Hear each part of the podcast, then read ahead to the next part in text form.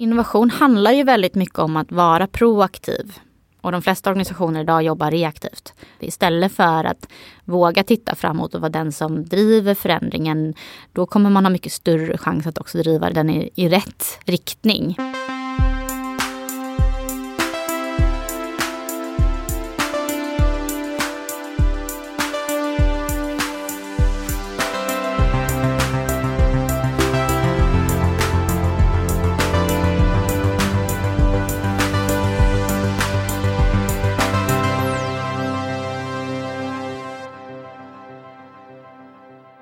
Hej och välkommen till Heja Framtiden. Jag heter Christian von Essen och idag ska vi prata om innovation.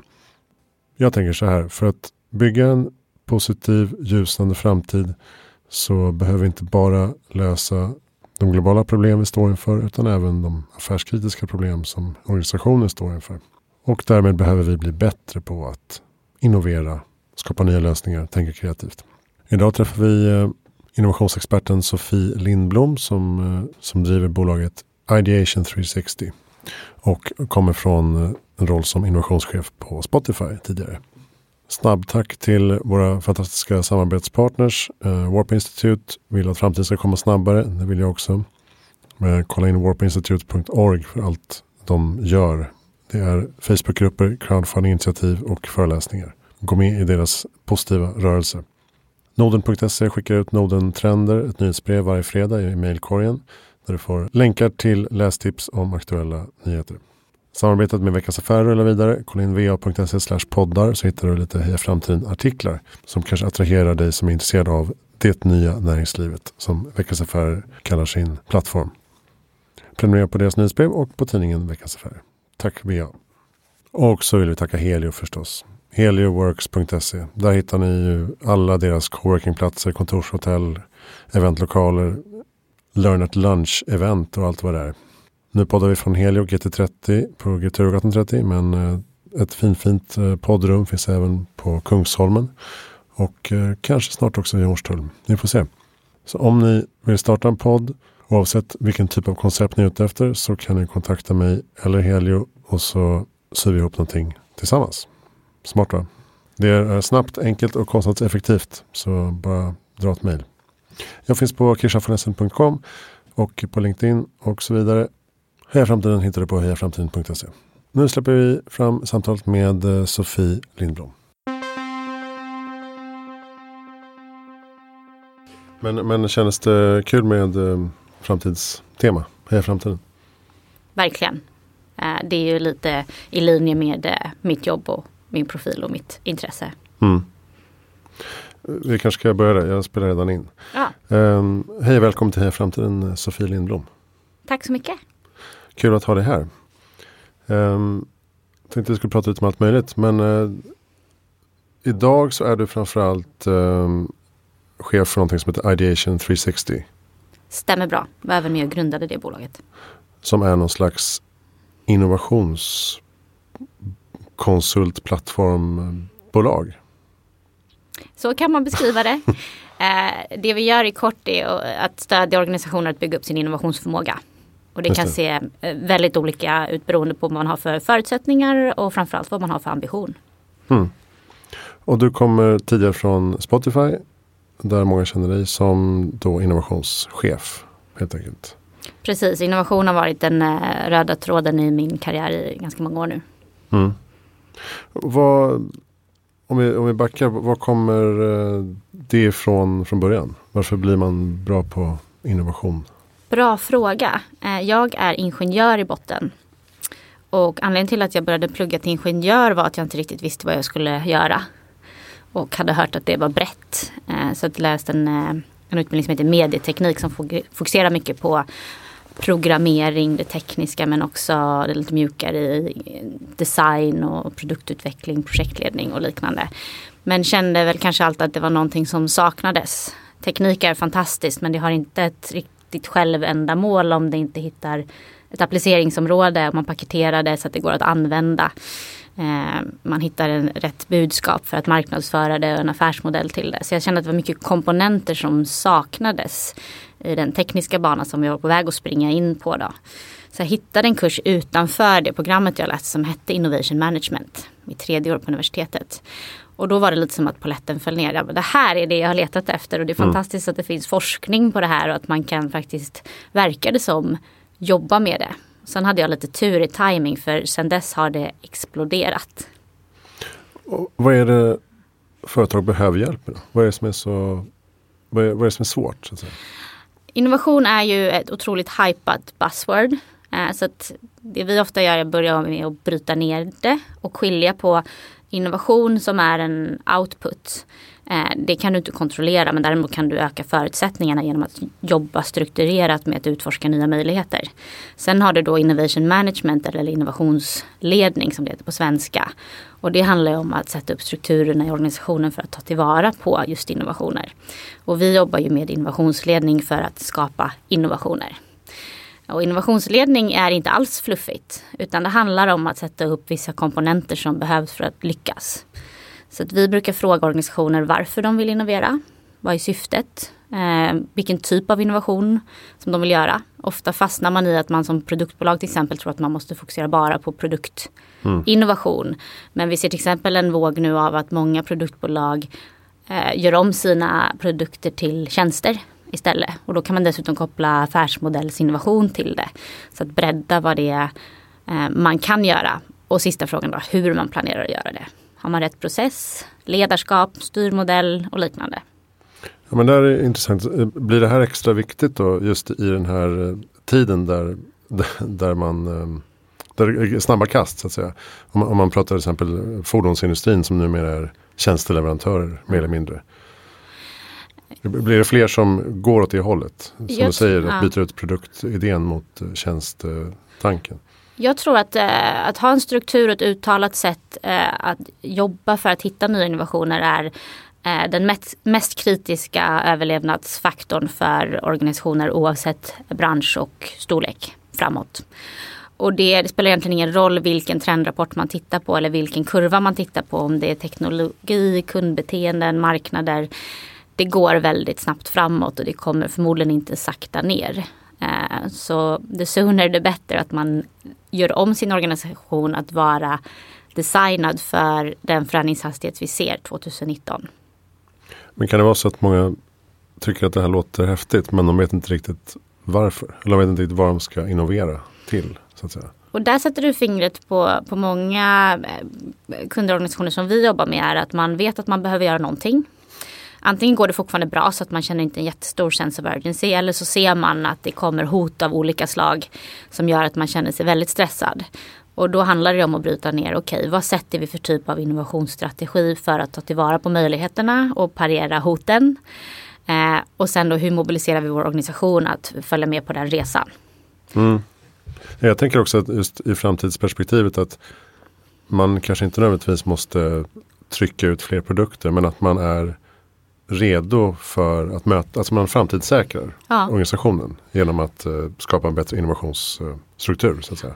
Och det handlar om att både titta utåt och hela tiden vara lite på tårna i att se vad som händer men också titta inåt och se, känner vi oss redo för den framtiden vi ser när vi tittar utåt? Har vi rätt eh, typ av kompetens? Är vi designade på rätt sätt? Och som du säger i i den debatt vi har kring hållbarhet och liknande så är det inte alltid så att innovationsagendan ska handla om att skapa mer saker. Det kanske handlar om att göra saker smartare eller jobba med sitt ekosystem och våga ta tag i de här större frågeställningarna för att vi kommer behöva hjälp av många olika organisationer för att adressera många av dem. Mm. Eh, men eh, ni jobbar ju, eh, ni säger att ni jobbar holistiskt. Vad innebär det då? Och vilken, vilken typ av kunder är det förresten? Är det större bolag?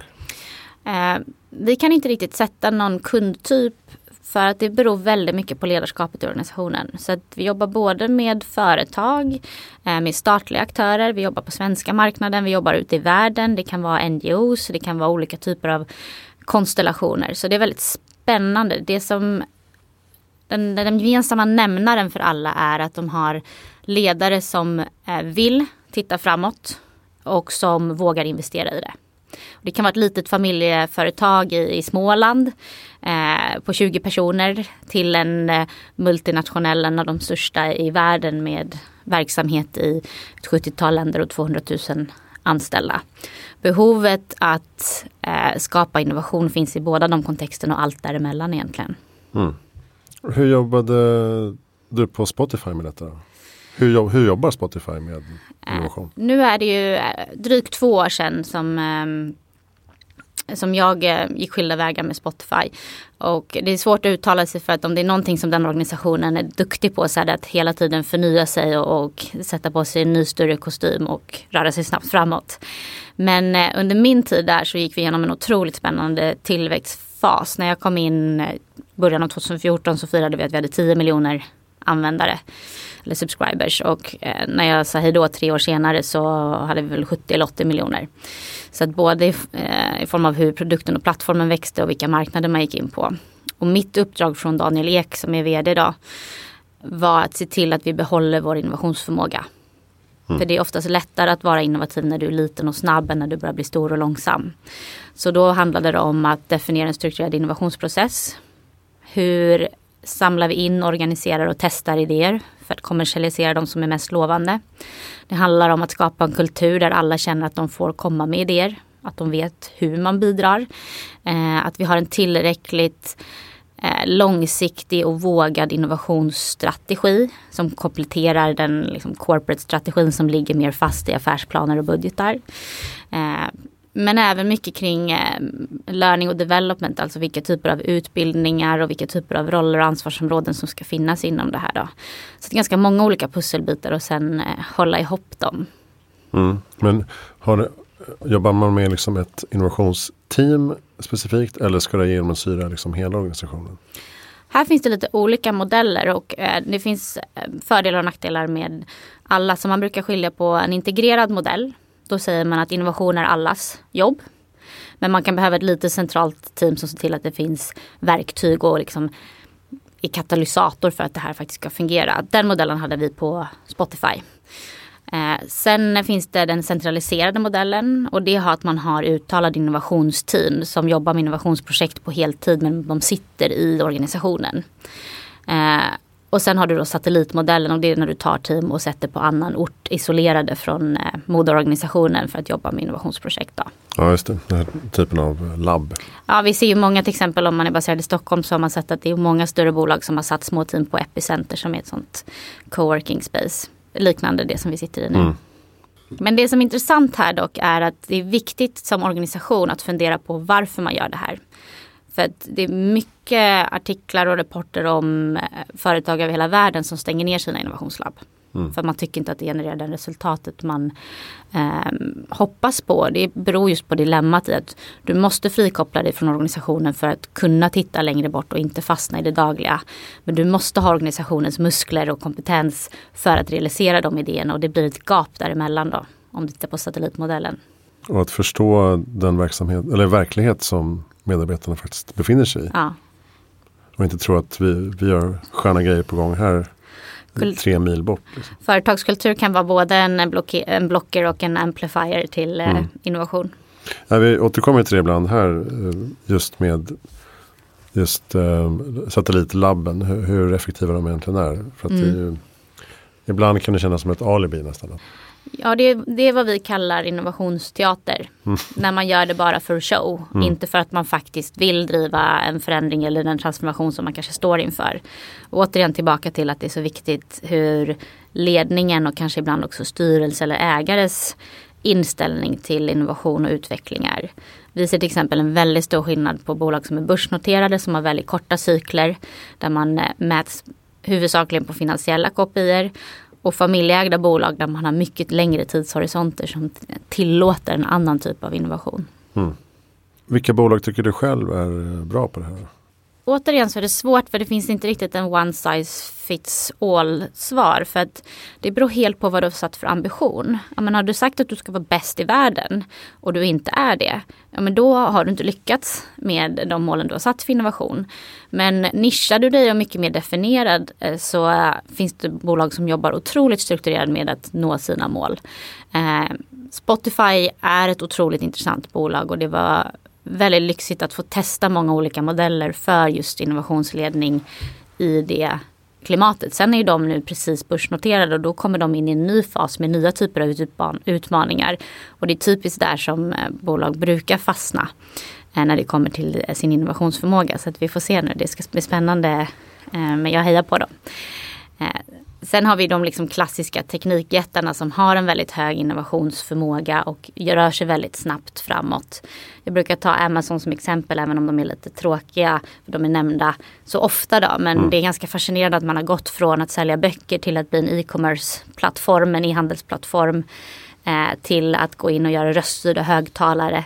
Till att eh, erbjuda andra bolag molntjänster.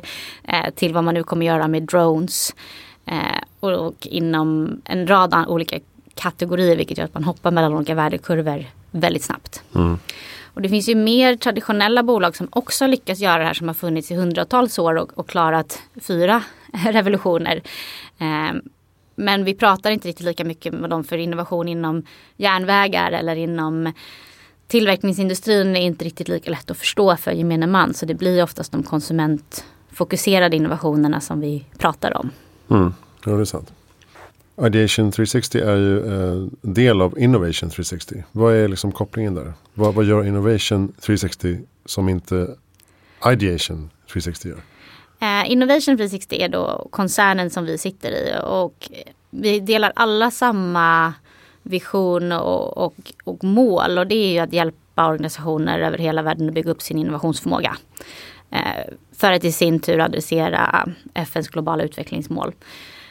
Men behöver en rad olika verktyg för att göra det här. Så att Ideation 360 fokuserar på innovationsprocessen och bygger digitala plattformar och stöd för den delen. Sen har vi en rad andra verktyg och plattformar som också sitter där som egna varumärken. Då. Så det ibland brukar jag jämföra lite som att eh, Alphabet eller Google har ju sin sökmotor, de har AdWords, de har eh, Gmail, de har massa olika delar för att uppnå sin vision och på samma sätt så har vi många olika delar för att uppnå vår vision där Ideation 360 är en komponent i pusslet. Då. Just det. Men du tog initiativ till Ideation 360 inom Innovation 360? Precis. Så att jag... Någon slags intraprenörskap? Då. Nej, ja, typ. Jag hade inte planerat att lämna Spotify. Jag skulle precis flytta till New York och hade fått en ny roll och det hade varit på min radar väldigt länge. Så träffade jag Magnus Penker som är en av grundarna till Innovation 360, då, eh, koncernen, på en lunch för att jag var otroligt fascinerad över det ramverk som vi har för att mäta innovationsförmågan. Jag har aldrig sett någonting som är så pass komplett och digitaliserat med en stor databas kopplat till det. Så att du kan göra korrelationsanalyser, du kan kodifiera hur bolag lyckas och du kan lära dig mycket. Så jag är väldigt fascinerad över det här och hörde av mig till honom på LinkedIn. Vi sågs på en lunch och 50 minuter in i den lunchen så frågar han om jag vill vara med och starta upp Ideation 360 och gå in som vd eh, mm. i det bolaget. Då. För de hade testat alla olika idéplattformar som fanns på marknaden och tyckte inte att någon var tillräckligt bra. För de är byggda av mjukvaruexperter och inte innovationsexperter. Jag satt i det skedet på Spotify i eh, en situation där jag förstod precis vad han ville göra för det var min, min huvudverk. Hur får man skalbarhet i innovationsarbetet och på ett strukturerat sätt kan lagra idéer, återkoppla på idéer och bygga ut en portfolio av olika hypoteser och experiment. Eh, så att efter eh, några veckors funderare så bestämde jag mig för att hoppa på tåget och bygga upp det tillsammans med Innovation 360. Då. Så jag var med och startade upp det dotterbolaget inom koncernen tillsammans med dem. Mm. För två och ett halvt år sedan nu. Men, men finns ni också i New York och Stockholm? Ja, så att vi jobbar ju väldigt tajt i hela koncernen. Så vi har Ideation 360 som fokuserar på innovationsprocessen. Så hur går man från idé till innovation. Sen har vi InnoService som fokuserar på hur man mäter innovation och innovationsförmåga. Så sätta upp ett ramverk för strukturerade KPIer. Sen har vi ett eget konsultteam som jobbar med coaching och implementation av olika slag. Sen har vi också en utbildningsdel där vi utbildar andra i våra metoder och verktyg och ger tillgång till vår data om man jobbar med professionell innovation. Så det är både interna innovationschefer eller förändringsledare, konsulter, lärare, professorer, forskare. Så att inom det nätverket så har vi verksamhet i 30 länder och gör väldigt mycket saker tillsammans i en gigbaserad modell. Mm. Du sitter också i uh, styrelsen för Business Sweden. Mm. Vad, vad är din roll där? Eh, ett otroligt spännande uppdrag som jag ehm, gick in i för snart tre år sedan. Och blev väl väldigt förvånad när jag fick frågan. Det var när jag fortfarande var för Spotify. För att den typen av profil som man tidigare tagit in eh, i den styrelsen kanske inte jag matchar. Men eh, Business Sweden är ju halvt ägt av staten och halvt ägt av näringslivet. Så att de utser representanter. Så jag sitter ju då som representant för näringslivet och vi, så har vi ett par eh, från staten. Då. Och målet med hela den styrelsen är ju att stödja Business Sweden i att uppnå sitt syfte som är både att hjälpa svenska bolag ut i världen mm. Eh, och öka sin försäljning och sin närvaro. Men också attrahera eh, investeringar till Sverige från intressanta bolag. Och det här går ju väldigt mycket i linje i det arbetet vi gör på Innovation 360 just med innovationskraft och att få ut eh, det som vi är duktiga på att hjälpa bolag över hela världen. Så att, eh, min roll där har varit dels eh, kanske representera en annan generation som har växt upp i digitaliseringen. Kommer från ett modernt bolag som Spotify och hur vi har jobbat där och tänket. Men också såklart när det kommer till vad behöver bolagen? Mm. Så innovationskomponenten har fått bli min eh, mitt, mitt största bidrag. Just det. Och, och den här typen av eh, offentlig privat eh, sam, ja. samverkan, är det en fungerande modell? Ja, den är komplex. Men det finns också otroliga synergier att hämta eh, när man har den modellen och det tycker jag helt klart överväger eh, komplexiteten som det ibland kan bli när man har olika typer av kulturer, olika typer av sätt att göra saker som klaschar mellan näringslivet och det, det offentliga i mångt och mycket. Då. Men jag tycker Business Sweden har gjort en, en transformationsresa de senaste åren som är otroligt imponerande när man har verkligen tagit till sig uppdraget att slå ihop eh, export och investeringsfrämjande till en organisation för att få in synergierna där. Då. Ja just det, för tidigare så pratade man mycket om export och eh, var det två olika ja. liksom, verksamheter? Två Exportrådet olika... och eh, investeringsfrämjandet. Invest in Sweden, ja. så, eller något sånt där. Precis, och det är inte så många länder som har den modellen.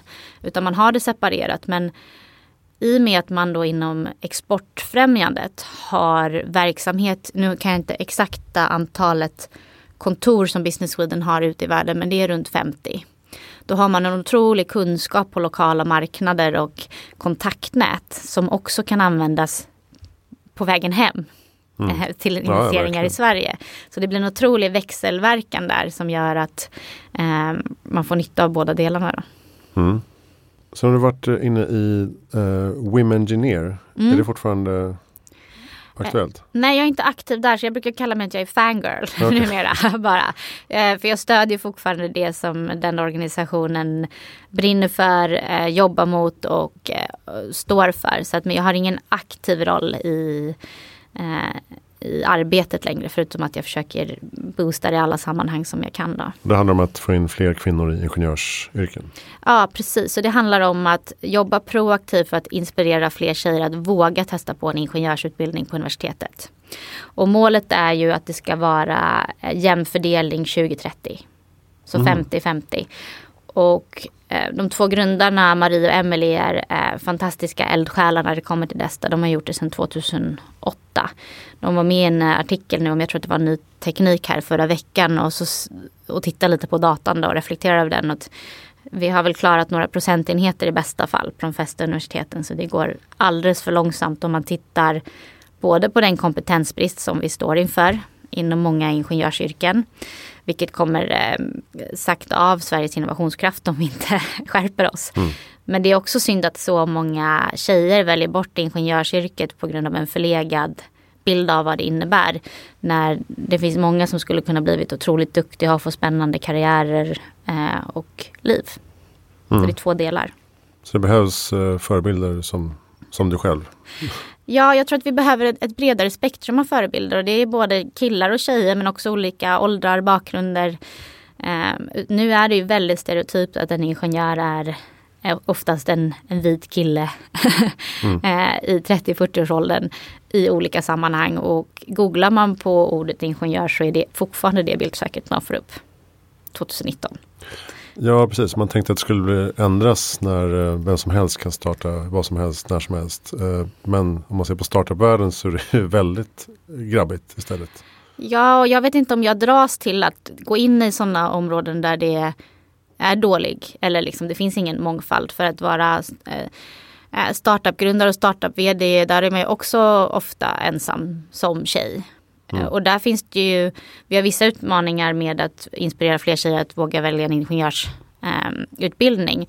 Eh, på samma sätt har vi eh, specifika utmaningar med att, våga, att peppa tjejer att våga starta företag.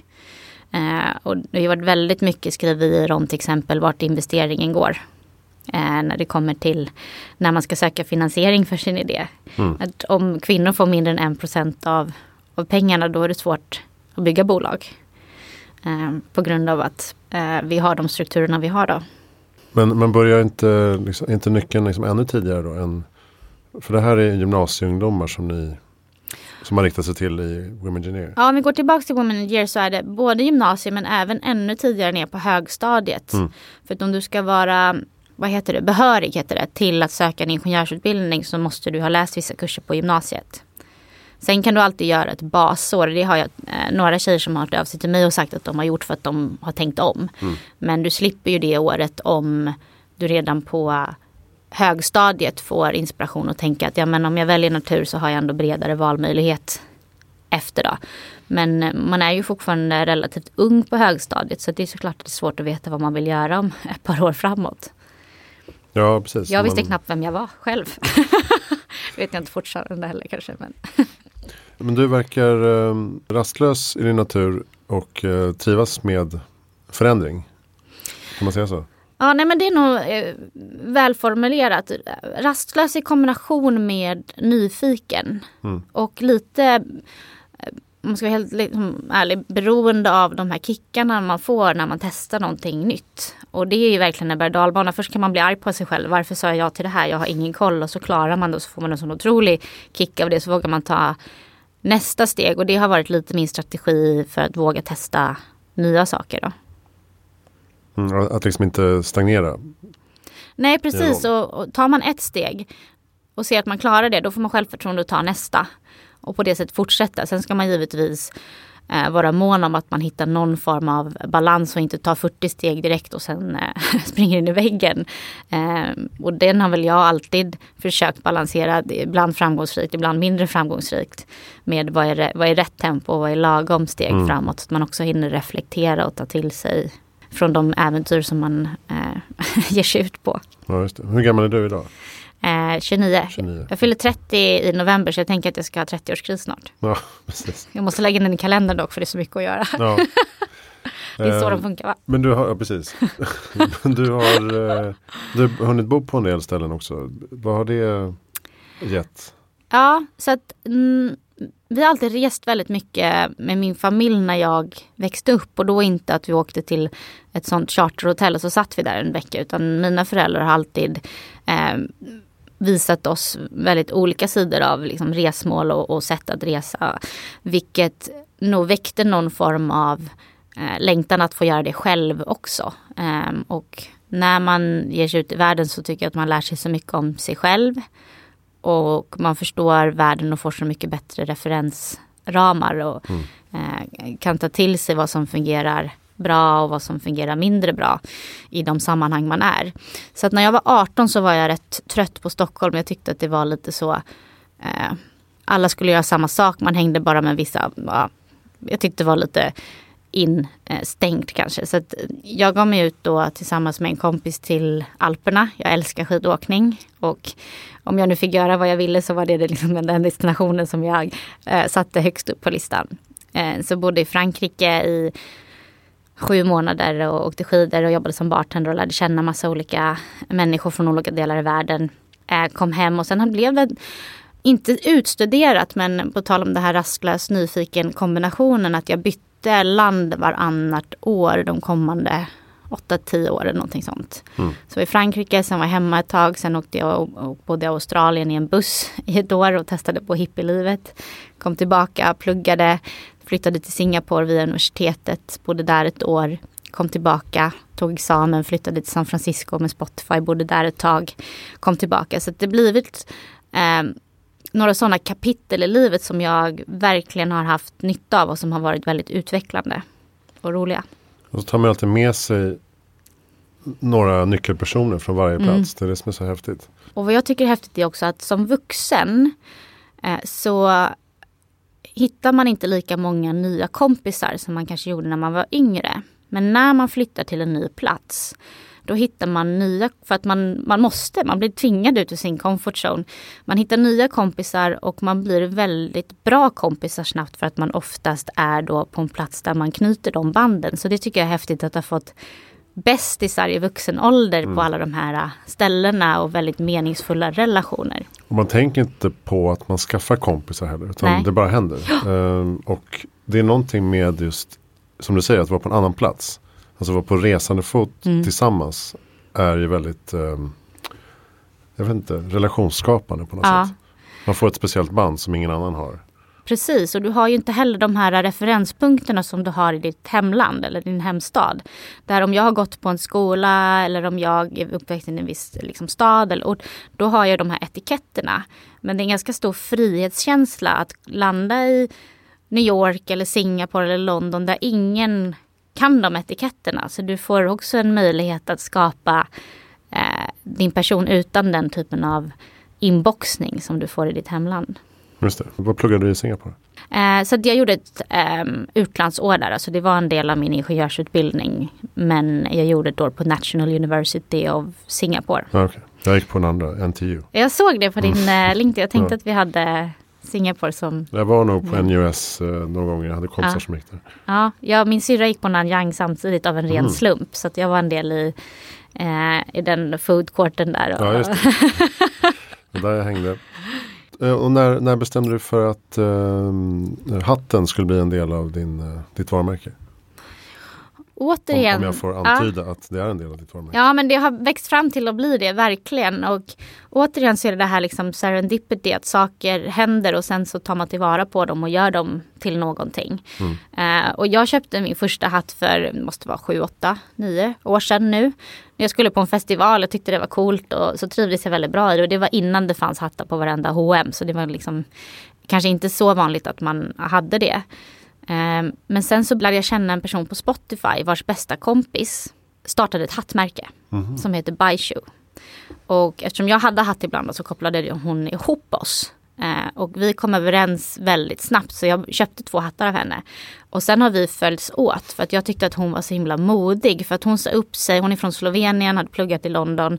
Jag tror att hon var konsult på Bloomberg eller något sånt. Vi jobbade 100 timmars veckor och tyckte inte att livet var toppen. Att våga säga upp sig då eh, och starta ett hattmärke. Hennes eh, släkt i Slovenien är hattmakare. Så de här handgörs i Slovenien. Okay. Så det kändes väldigt fint att stödja hennes entreprenörskapsresa. Och också tycka att hattarna var väldigt snygga. Så då gav jag mig själv lite av en belöning när jag började föreläsa för fem sex år sedan. Att varje gång jag hade gjort en läskig föreläsning så fick jag köpa en hatt. Eh, så nu har jag elva stycken så jag behöver inte så många fler. Jag har de flesta färgerna. Vad kul. Ja. Hur mycket föreläser du idag?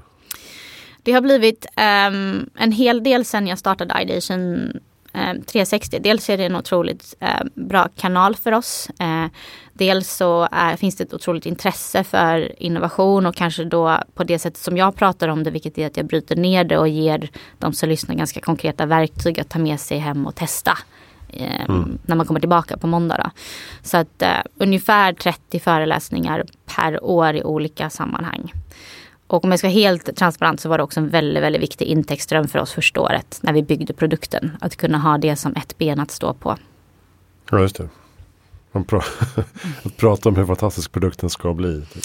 Innan, Nej, innan äh, jag, där, där, får man passa sig. Jag kanske kan bli lite bättre på det. Men jag säljer aldrig mina föreläsningar. Nej, Däremot använder vi otroligt mycket case och erfarenheter och lärdomar. Både från vår databas och vårt ekosystem av vad vi kallar practitioners. Men också från de uppdrag som jag själv har gjort. Och det ger de föreläsningarna, tror jag i alla fall, ett visst djup istället för att man bara hade suttit och crunchat teorin och sen gjort en presentation om det. Jo, det är klart. Och sen är det branschöverskridande så du kan ju applicera ja. på vad som helst. Egentligen. Och det är väldigt lyxigt att kunna jobba med någonting som inte är låst till, på tal om att vara lite rastlös då. Mm. Att, eh, ena dagen så kan fokusera på framtiden inom läsk och snacks och andra dagen är det framtiden för hur vi ska tillverka batterier och sen är det el eller ja, mm. IT. Det är väldigt liksom spridda skurar vilket är roligt för då kan man också se synergier och hjälpa till att koppla ihop bolag som kanske inte hade hittat varandra annars. Ja, att göra saker tillsammans. Du, du, har också varit inne på det här med eh, AI och innovation. Mm. Hur, eh, vad är kopplingen där? Hur kan man använda sig av AI i den processen? Så anledningen till att jag fastnade för Innovation 360 när vi pratade, jag och Magnus för eh, nästan tre år sedan nu, är att vi använder teknik och metodik. Många konsultfirmor använder endast metodik och post-its. Men det skalar inte och du missar ju ganska mycket möjligheter med att digitalisera vissa delar. När du bara jobbar manuellt så tar det väldigt lång tid också. Och funkar inte för globala organisationer. Så att eh, fokus på teknik och hur man kan applicera olika eh, delar av liksom både utvecklingen av AI men även i eh, machine learning och big data analys och liknande. På innovationsdata var jag väldigt fascinerad över. Kan man kodifiera vad det är som gör ett bolag innovativt? Så vad vi gör är att vi ställer en rad frågor till organisationer och så frågar vi brett så vi får en 360-vy. Och då får vi ett dataset. Och det datasättet lagras då i en databas. Och nu har vi tusentals organisationer i 60 länder. Så vi har en ganska stor databas. Och då kan vi börja applicera artificiell intelligens för att ge automatiska rekommendationer. Mm. Så att vi på lång sikt kommer ju eliminera oss själva som konsulter. Mm. Du får dina rekommendationer, det kanske till och med kan läsas upp för dig. Eh, och det är ju i, i betafasen men det är väldigt spännande att se då att vi har ett regelbaserat system som konsulter går in och tolkar eh, mot kunden. Och sen har vi då Sherlock, vårt AI. Spelar lite med IBM där, att Watson mm. spelar Jeopardy och Sherlock ja, löser innovationsutmaningar. som också ger rekommendationer. Och då kan vi börja se vad ser Sherlock i datan som det regelbaserade eller konsulten inte ser. Så än så länge använder vi det komplement till andra men på sikt så skulle det kunna ersätta de metoder vi använder idag för att analysera ett bolag och ge rekommendationer om hur man ska jobba för att nå sina mål. Just det. Så då kan er innovationsrekommenderande AI skapa en uh, innovationsskapande AI till bolag som behöver inga människor alls. Kan, Nej. bara, kan de AI, AI prata med varandra? Precis. Nej, men sen, så det är på um, inom servicesidan. I Ideation 360 så har vi precis börjat experimentera med hur man kan organisera en stor volym av idéer med hjälp av AI.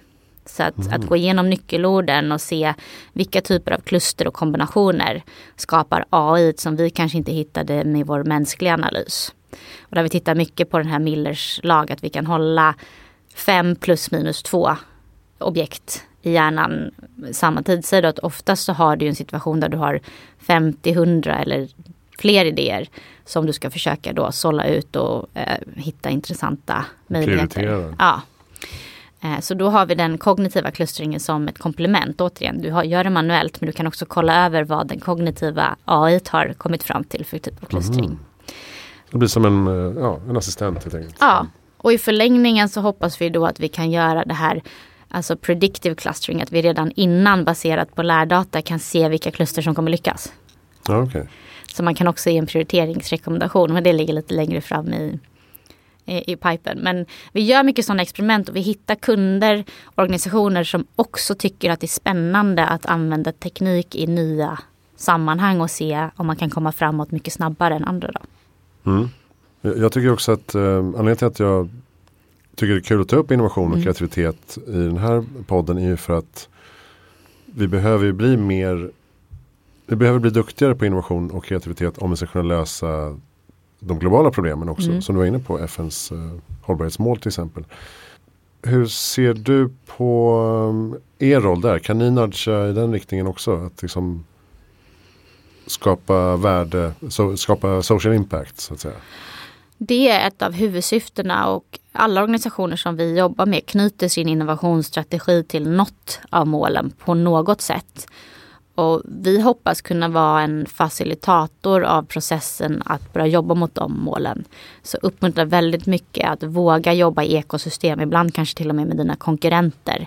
För att ta tag i frågeställningar som är för stora för en spelare att tackla själv. Då. Mm. Och det kan du göra med otroligt många olika format och tillvägagångssätt. Och där tänker vi att vi kan vara den eh, moderatorn, facilitatorn i den, den processen. Helt enkelt hjälpa bolag att bygga upp självförtroendet men sen också ha verktyg och metoder för att faktiskt börja utforska hur man ska nå dit. Då. Ja, just det. För lagstiftningen kanske inte alltid ligger i framkant och då kan branschen själva. Ja, menar du? och då kan branschen själva säga att men, skit i det där, vi går ihop själva och ska ha fossilfritt eh, inom 2030. Och innovation handlar ju väldigt mycket om att vara proaktiv. Och de flesta organisationer idag jobbar reaktivt. Och det händer något, vi måste göra något. Eller en ny konkurrent måste göra det. Istället för att våga titta framåt och vara den som driver förändringen. Då kommer man ha mycket större chans att också driva den i, i, i rätt riktning. Så att det pågår ett arbete nu med att sätta en ISO-standard för innovation management. Mm. Eh, som vi har varit delaktiga i, en av mina kollegor som representerar oss i ett par av de utskotten. Och jag hoppas hoppas den släpps här nu i vår. Det är två eh, avsnitt som är släppta och så kommer det mm, fyra eller fem till tror jag.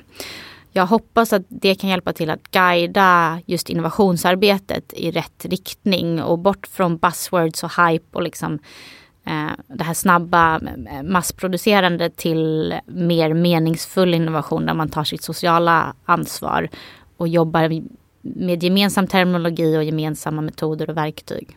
Eh, och, och, där knyter jag an till en av mina slutfrågor som jag brukar ha i podden. Eh, ditt bästa tips för att göra världen bättre i framtiden? Det är en sån otroligt stor fråga och beroende på vem man ställer den till så bättre kommer väl betyda eh, olika saker. Men om, vi ska, om jag får tolka det som att vi vill skapa en framtid som vi kan både vill leva i och som vi kan lämna efter oss eh, utan att gömma oss bakom skämskudden. Eh, så tror jag verkligen att det handlar om att ta en titt på vad är min roll och vad behöver jag utvecklas inom? För det händer så otroligt mycket så man kan lätt bli stressad över att man ska hålla koll på allt som händer. Men det måste man inte utan man måste titta på, ja men okej, vad vill jag göra, vad är jag duktig på, var jobbar jag någonstans, vart vill jag någonstans och sen mappa ut, okej, hur tar jag mig framåt inom den linjen eller inom det området. Och om alla börjar jobba mer så proaktivt då skulle vi gemensamt kunna springa mycket snabbare än att det är några som ligger liksom tio år framåt och några som fortfarande håller hårt tio år bakåt och en ganska stor massa som ligger i mitten och känner sig relativt handlingsförlamade eller fast i att man, man vet att det händer mycket, man vet inte hur man ska agera på det. Då är det lättare att inte göra något alls. Ja, sätta på Netflix. Mm. Stackars Netflix kommer alltid, återkommer alltid som en så här lättjans eh, ja. drog. Och det är, det är ju det sista de, de, eh, eller inte det sista men det är inte deras mål utan deras mål är ju verkligen att vara ett stöd i vardagen att få en liten sån verklighetsflykt. Men det kanske inte går till överdrift. Nej, precis. Um, har du något bra lästips för den som är intresserad av Ja, jag kollade lite och såg att det var några av mina favoritböcker som redan har blivit tipsade om. Men om jag ska försöka hålla mig inom ramen innovation då, i och med att det har varit temat här, så finns det mm, en bok som heter The Originals, eh, som är skriven av Adam Grant. Som handlar just om, den slår hål på många myter kopplat till innovation och så finns det mycket spännande exempel av då folk som har varit originals, som har vågat vara det. Så den är väldigt inspirerande och rolig att läsa. Mm. Eh, sen av de första böckerna som jag läste kopplat på tema innovation är Creativity Inc. Mm. Den är skriven av Ed Catmull som är grundare och vd på Pixar. Och om man kollar på Pixars historia så har ju de lyckats skapa hit efter hit. Och det är inte så många bolag som har lyckats med det. Så han pratar mycket om hur de byggde den typen av kultur. Och där finns det också väldigt mycket handfasta liksom, tips och modeller på hur, hur de har jobbat. Så den är också väldigt inspirerande och alla har någon relation till någon Pixar-film i alla fall. Så det är kul också att få, få, få se det från eh, insidan. Mm. Och sen måste jag väl också säga, om jag får ta en till. Mm. Eh, Innovators Dilemma av Clayton Christensen. Den är skriven redan på 90-talet men den är mer aktuell nu än någonsin. Och den handlar om precis det vi har pratat om idag. Den här uh, balansen mellan att vara kortsiktigt oftast relevant och lönsam. Men också ha bandbredd att titta på vart man vill långsiktigt och balansera de två vågskålarna. Ja. Sen är han bara en väldigt eh, duktig liksom, forskare, tänkare på ämnet innovation management. Så att han har skrivit mycket för Harvard Business Review bland annat. Och, men det är väl hans mest kända verk. Mm. Så generellt kan man säga att innovation management kommer bli ett begrepp som vi kommer få höra mer av Precis. i framtiden. Ja. Mm. Vem tycker att vi ska intervjua i, framtiden?